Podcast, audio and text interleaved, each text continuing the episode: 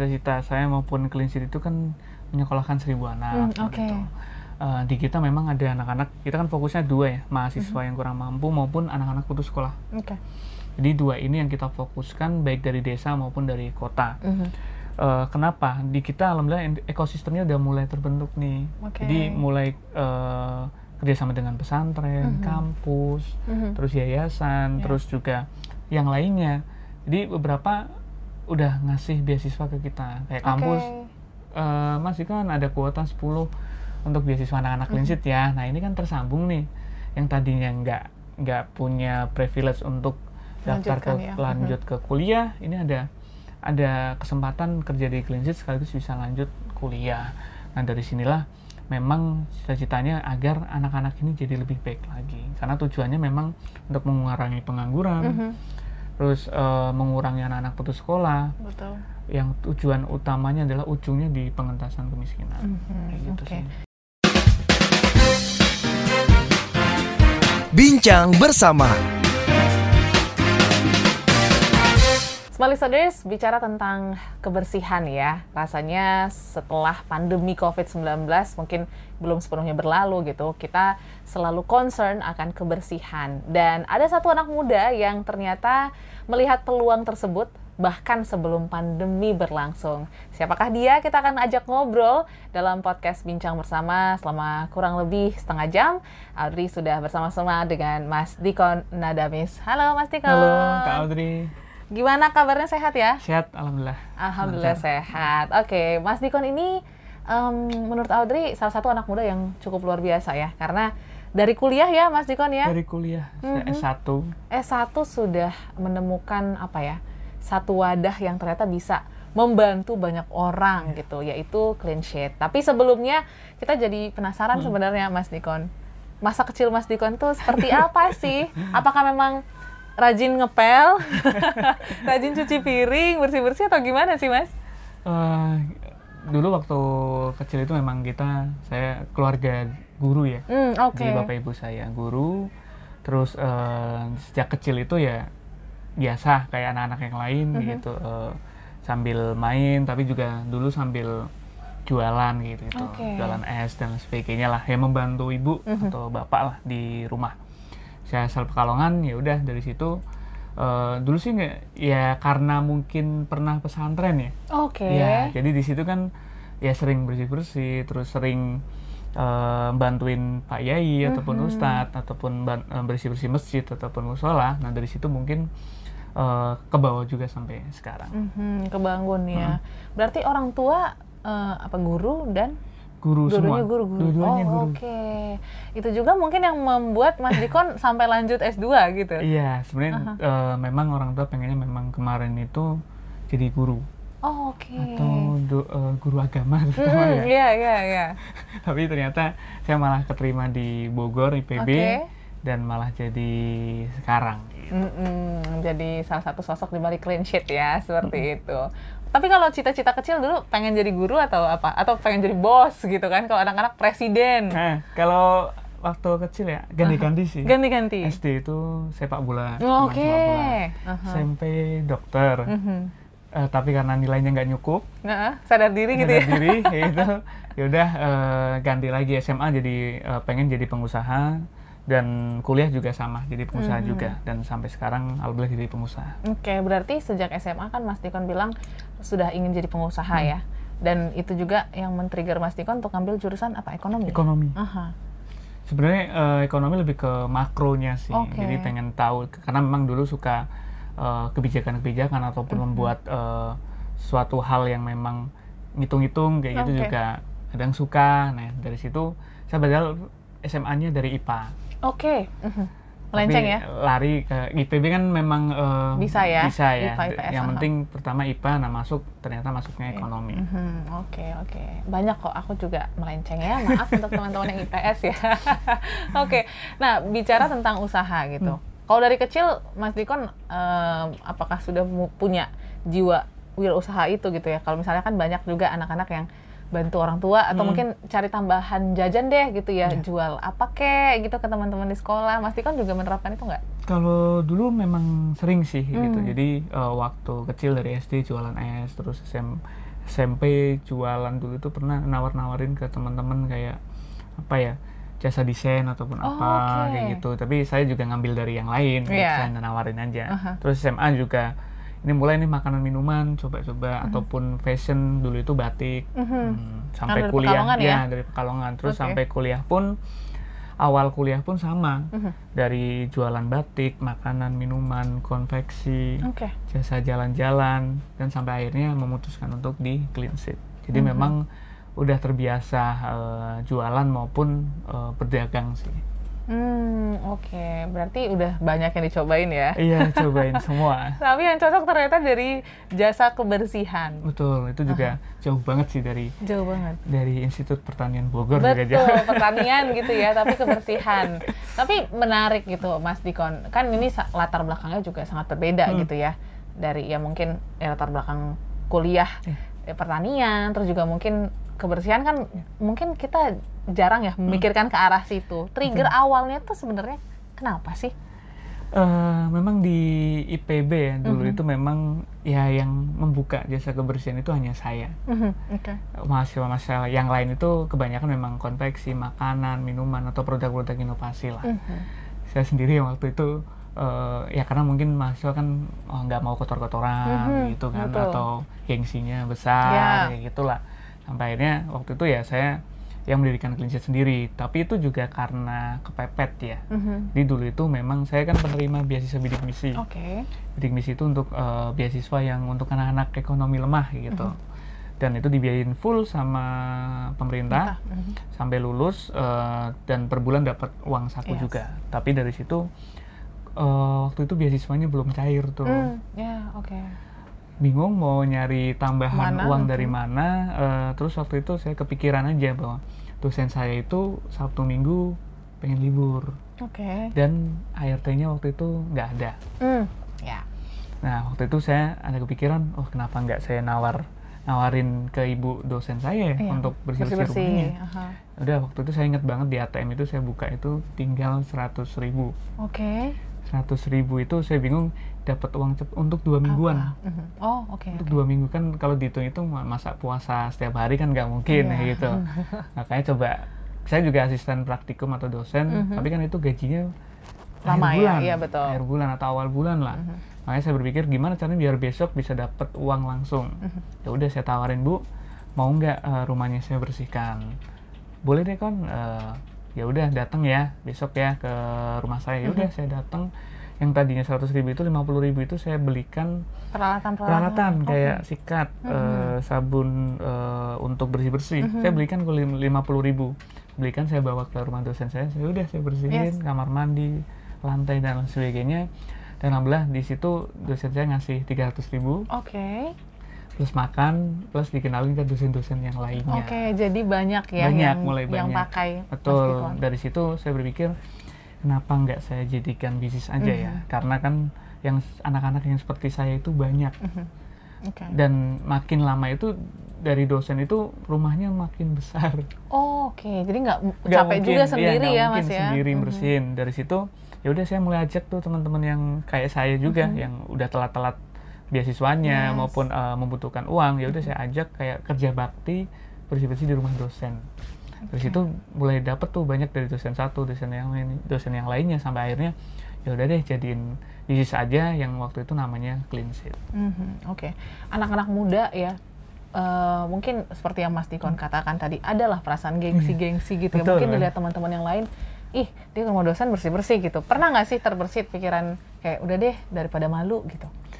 Pernah Mhm. gitu, tapi eh, karena waktu itu why-nya Lebih kuat ya? kuat ya Mhm. karena tujuan saya itu tu- sebenarnya untuk membantu teman-teman saya aja Oke.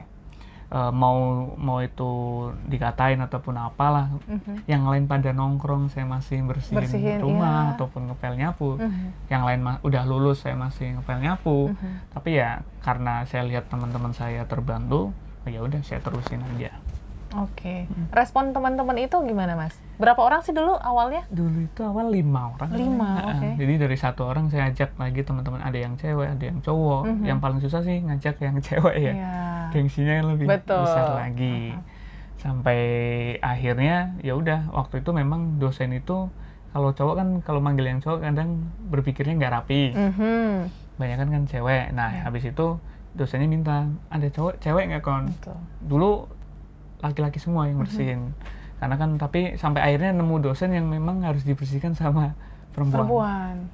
Ya. setelah itu eh, ya sampai saya nggak ngotak-ngatik at- eh, orangnya sampai ngatur lagi ada yang nggak mau ada yang yang mau tapi itu siasat sih Mhm. sampai bahkan saya ajak waktu itu untuk ngajak jalan Oke. eh, misal ke time zone tapi ternyata bersih bersih dulu di rumah Dijebak ya.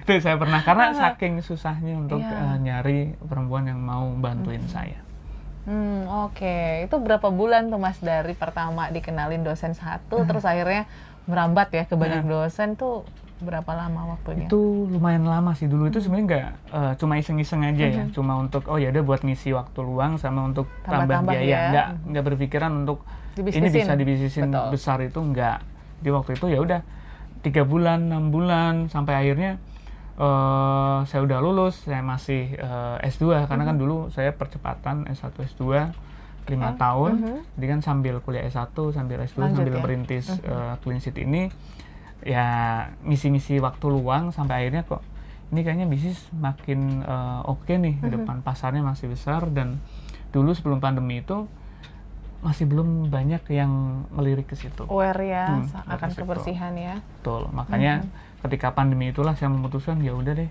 saya fokusin ke clean sheet total Oke. Dan ini kan eh, startup ya Hmm, bas- startup. basisnya gitu.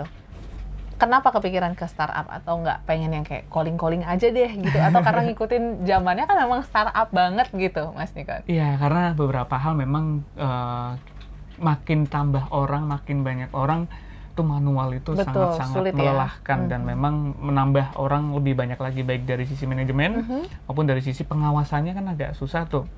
Makanya kita eh, develop eh, aplikasi, develop Mhm. eh, teknologi untuk memudahkan itu biar bisa membantu lebih banyak orang lagi.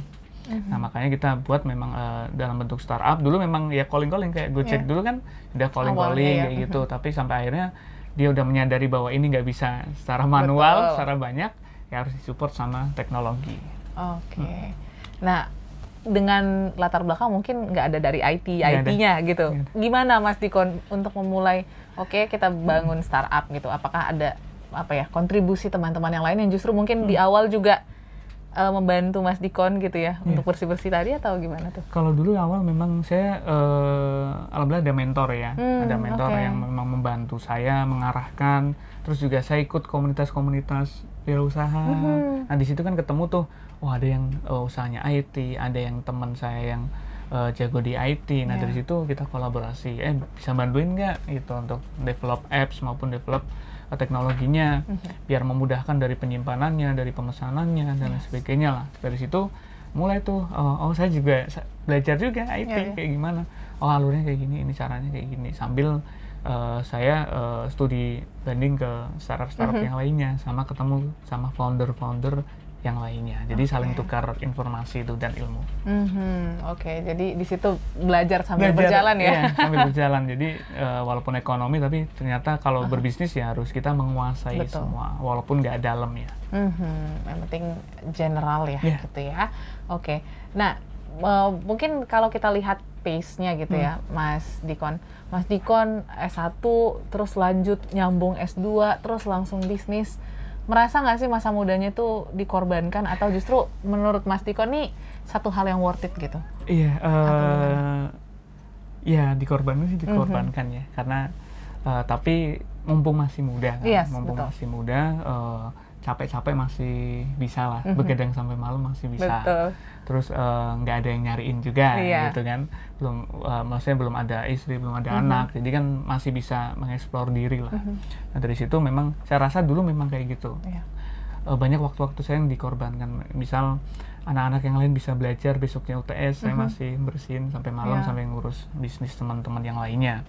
Terus yang lain udah pada lulus kerja di kantoran, Mhm. pakai dasi, pakai kemeja, saya masih ngepel, nyapu, ikut ngawasin anak-anak gitu. Nah dari situ eh, ya udah deh jalanin aja dulu gitu sampai akhirnya ya sekarang eh, alhamdulillah udah ada sedikit hasilnya Mhm. yang memang itu malah teman-teman yang lainnya malah pengen jadi seperti saya. Ah, oke. Ya, Jadi karena kan betul, karena saya kan sekarang ya udah saya lebih ke fokus ke eh, relasi, Betul. ketemu orang, eh, ketemu klien lebih besar, ya Mhm. seperti itu.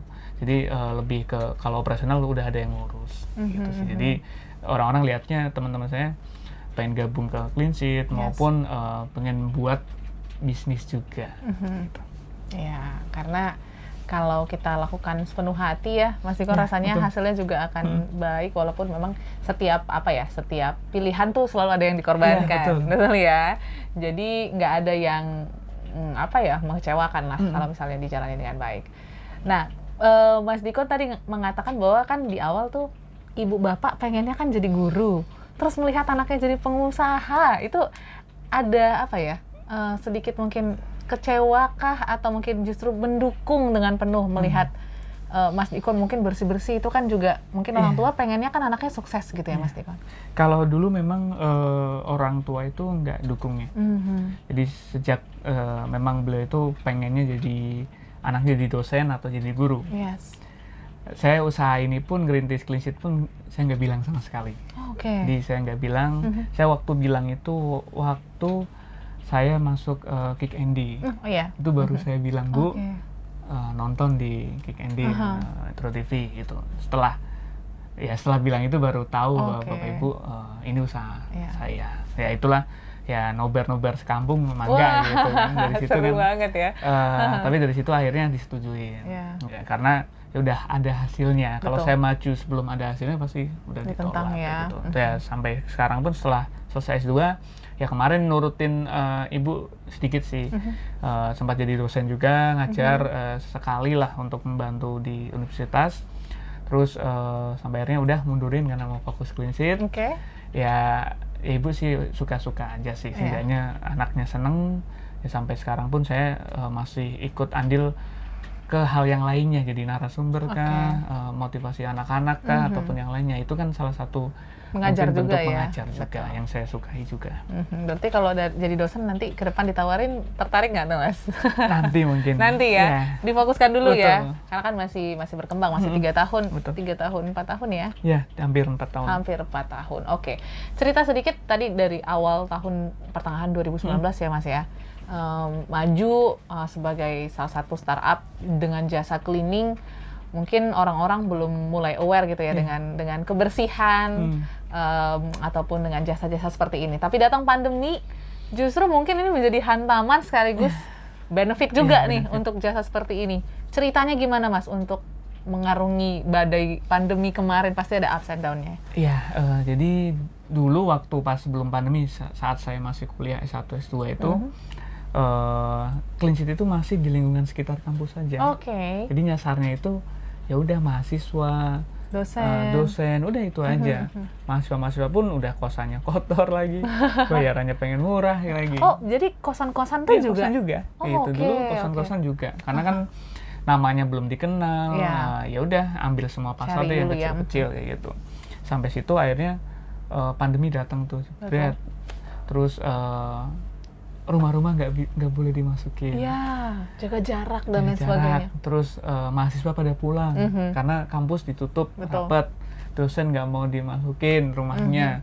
Mhm. Itu benar-benar wah eh, udah deh mau mau nyerah sebenarnya dulu karena ya mau gerak gimana nggak nggak ada penjualan gitu. Iya. Sampai akhirnya saya waktu itu berpikir cara apa ya yang bisa untuk eh, menanggulangin ini gitu.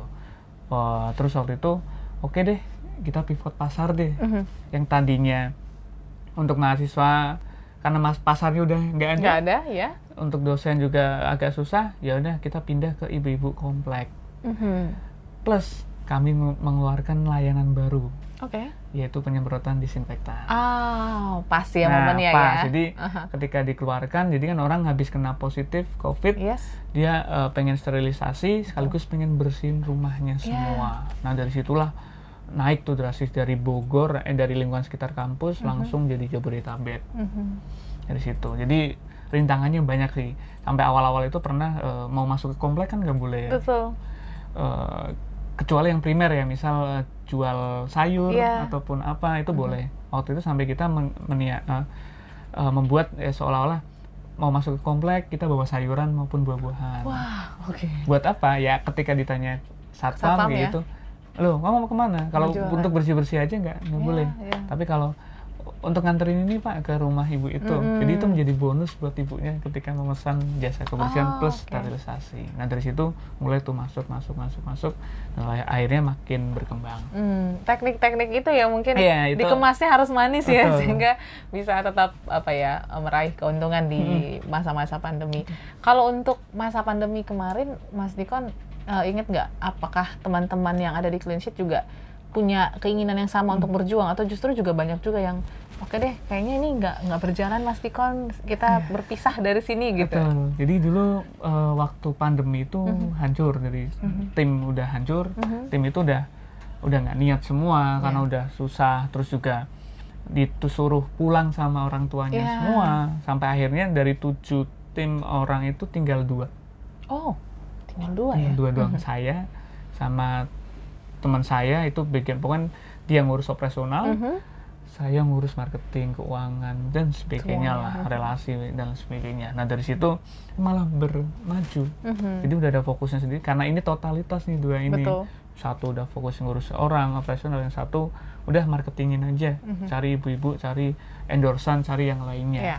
Nah itu saya ingat banget ya pada mundur sih teman-teman saya. Kalau nggak mundur ya saya yang ini ya buat mudik, buat mudik Oke. teman-teman. Udah saya tak suruh pulang semua. Tinggal dua orang itu, itu aja sampai masuk ke TV nasional. Mhm, mhm.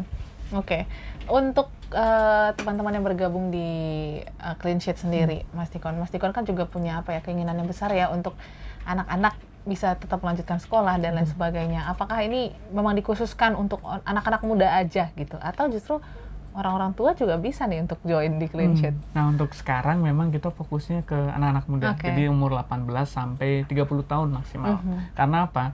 Yang kita rekrut itu anak-anak yang mau melanjutkan pendidikannya, Oke, yang mau eh, mewujudkan impiannya. Iya. Karena apa? Eh, anak-anak seperti inilah eh, yang lagi membutuhkan. Jadi kerjanya itu benar-benar passion. Mhm. Dia di anak kita di Clean Sheet itu ada anak yang kuliah dari pagi sampai sore, Sore. terus eh, Malamnya malamnya kerja Oke. kayak gitu. Ada yang dari malam itu dia kuliah pagi sampai sorenya dia Mhm. kerja, ada yang part time doang hanya ngambil 3 jam ataupun Iya. apa. Nah, dari situ mereka terbantu juga karena tujuannya adalah clean sheet memang nggak mengharapkan mereka di clean sheet terus atau Mhm. jadi cleaning Iya, service terus. betul. Yang kami harapkan adalah mereka masuk ke clean sheet, dia dapat kerjaan, Mhm. dia dapat penghasilan, dia bisa melanjutkan pendidikannya. Setelah dia lulus, setelah skillnya oke, pendapatannya oke, dia akan naik level ke berikutnya. Mhm. Banyak teman-teman saya yang dulu bersih-bersih bareng saya, ya sekarang udah ada, udah ada jadi yang PNS, Oke. eh, kerja di kementerian ataupun apa ya belajar mentalnya itu dari Mhm, clean clean sheet. sheet ya. Wow, ternyata banyak ya eh, melahirkan sosok-sosok yang luar biasa gitu dari salah satu startup cleaning ini. Emangnya apa Mas yang dibentuk dari em, teman-teman tadi ya, mental seperti apa? Apakah dari masa bersih-bersih itu ketelatenan, disiplin atau seperti apa sebenarnya? Nah, eh, di kita itu memang eh, ketika kita kan ke rumah-rumah ya Mhm. awalnya ke rumah-rumah. Kalau ke kantor kan nggak ada interaksi, Yes. jarang ya. Betul. Tapi ke rumah-rumah itu challengingnya benar-benar luar biasa tantangannya. Contoh aja, ketika kita ke rumah-rumah, kita menghadapi ibu-ibu yang ada yang detail, cerewet, Iya. baik, Betul. ada yang jahat ataupun apa itu banyak banget Iya. gitu di satu sisi ya kita sebagai kalau di kita kan rangers namanya yang Mhm. bersih bersih kita harus bisa komunikasi sama pelanggan Oke. terus eh, harus bisa memimpin karena yang bersihin itu nggak kadang nggak cuma satu, Satu orang, orang. aja tapi misal lima berlima Mhm. jadi kita harus memimpin ini kamu bersihin ini ya kamu bersihin ini bersihin biar efektif dan kerjanya cepat dan puas gitu Oke. terus eh, problem solving Mhm. ketika komplain, ketika dimarahin, gimana ya Gimana caranya menghadapinya, ya? Menghadapinya ya? itu kan Oke. mental yang yang s- nggak didapat di kuliah sih betul, sebenarnya. betul. Itu di lapangan langsung realitanya kayak gitu bahwa ada orang-orang memang ya ada yang nggak mau tahu, ada Mhm. yang baik banget, ya udah dimarah-marahin, tapi kita tetap oh iya ibu segini ya, seperti Iya. ini ya. Jadi itu problem solving yang memang kita terapkan di situ. Terus juga eh, kayak eh, bisa merekomendasikan Mhm. terus juga yang paling utama itu sebenarnya kedisiplinan harus tepat waktu Ya. harus harus eh, benar-benar bisa first impressionnya kayak gimana ya kayak gitu jadi dari situ anak-anak jadi mentalnya terbentuk dan ya harus kuat terhadap apa yang orang lain bilang Iya. Nah itu juga yang menjadi tantangan karena kan fokusnya clean sheet ini sendiri ya anak-anak muda ya. betul ada beberapa orang tua pun nitipin ke kita itu ini kan eh, anak-anaknya orang kaya gitu kan itu. Dibentuk deh, eh, gitu ya. itu, udah kirim ini suruh bersih bersih aja nggak pokoknya dibiarin aja udah disuruh bersih bersih suruh ini suruh apa sampai akhirnya dia merasakan bahwa oh iya nyari uang itu susah Susah, betul. Mhm. Itulah yang yang apa ya bisa dibentuk ya dari salah satu startup yang cukup menarik ini.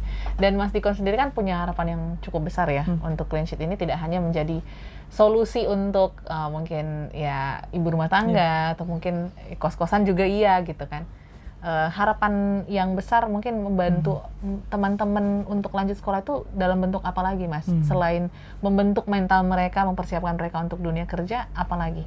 Nah, kalau di kita memang eh, cita-cita saya maupun clean sheet itu kan menyekolahkan seribu anak. Hmm, oke. gitu.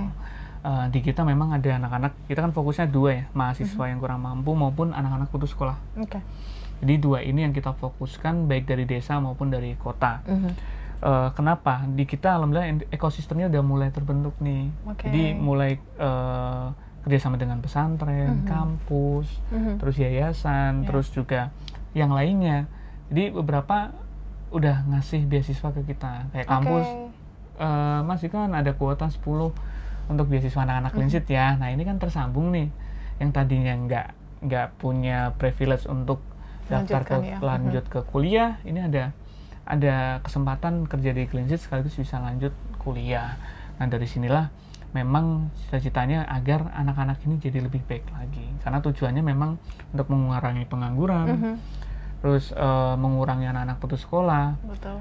Yang tujuan utamanya adalah ujungnya di pengentasan kemiskinan. Mhm, Kayak gitu Oke. sih. Gimana mas? Mungkin beberapa sudah ada yang sukses gitu ya, mungkin tamat kuliah, tamat sekolah Hmm. gitu, setelah ikut dari eh, di clean sheet. Iya. Perasaan Mas Dikon sendiri melihat anak-anak itu yang dulu mungkin Hmm.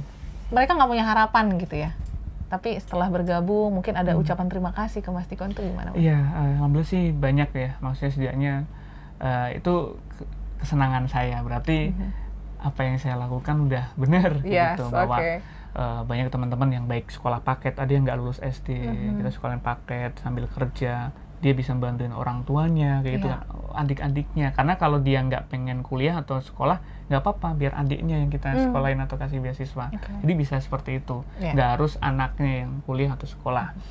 Nah dari situ eh, banyak yang bilang, "Eh, Mas makasih banyak. eh, selain terbentuk kayak mahasiswa yang dulu nggak punya uang buat makan aja susah, Betul. dapat 500 ribu satu juta aja itu udah seneng. Mhm. Karena nggak semua mahasiswa bisa ngajar. Oke, yes. Aha. Ya, nggak semua, paling hanya satu banding Beberapa. berapa lah, beberapa aja. Tapi bersih-bersih semua orang bisa. Pasti bisa.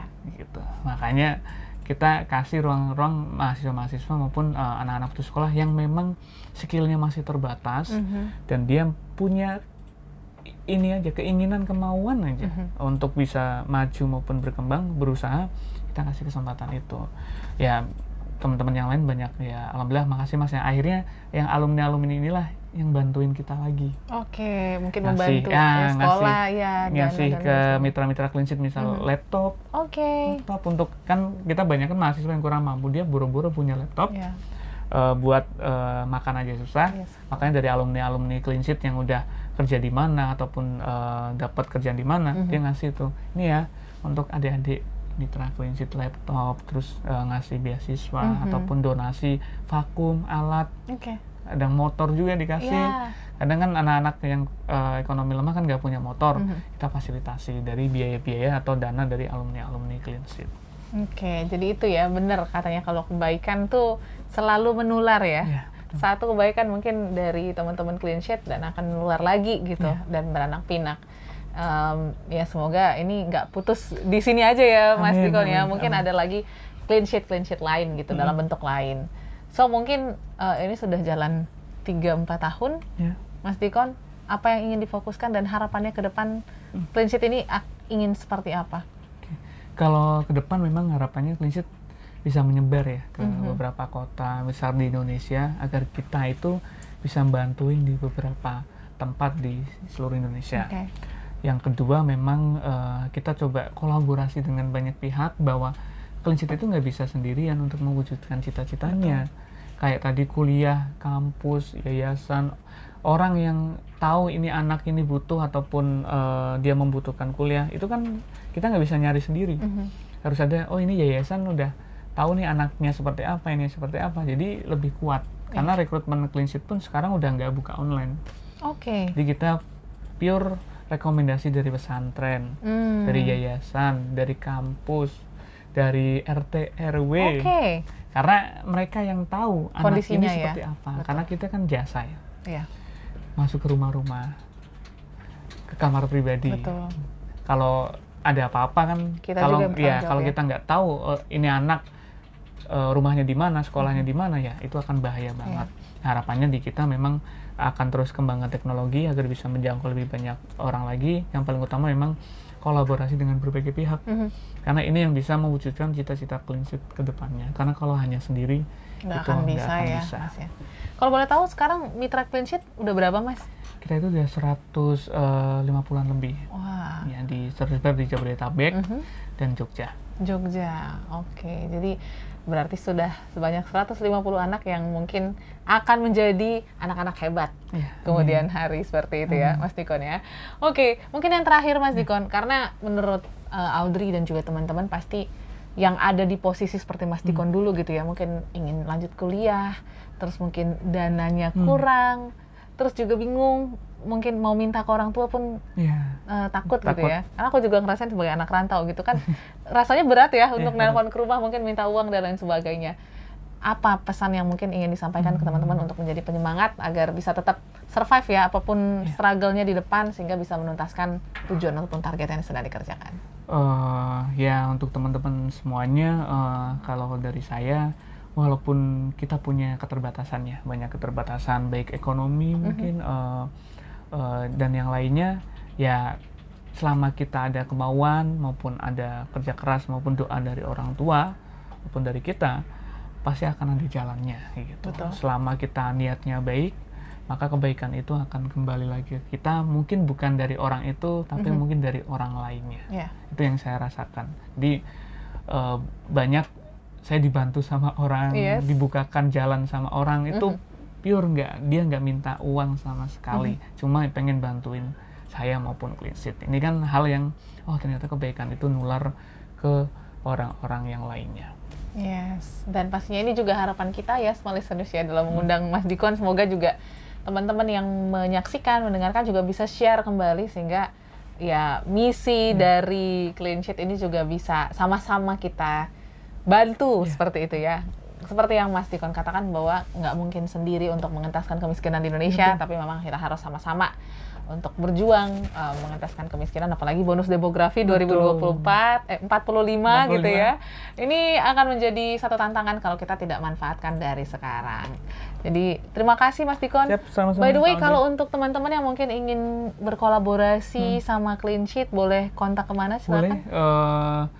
Kalau ingin eh, pemesanan bisa langsung ke aplikasi Clean Sheet di Clean Sheet eh, di Play Store eh, ada nanti Mei juga launching di App Store Oke. Terus eh, ke website Cleansheet juga bisa cleansheet.id atau bisa kunjungi eh, di profilnya Instagram Cleansheet di cleansheet underscore ID. Nanti di situ udah tercantum kalau ingin kolaborasi hubungin ke mana, Mhm. kalau ingin memesan maupun jadi mitra Cleansheet Oke. itu juga ada di situ. Jadi bisa dihubungin di situ aja ya. Yes, jadi itu dia small listeners eh, perbincangan kita bersama Mas Dikon. Semoga sukses ya Mas Amin, Dikon ya. amin, Audrey. Semoga makin lebar lagi sayap-sayap Amin. kebaikannya. Dan pastinya juga small listeners terima kasih untuk Anda yang sudah menyaksikan podcast Bincang Bersama edisi Sabtu ini.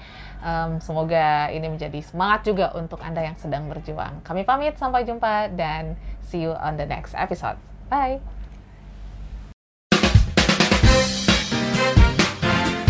Bincang bersama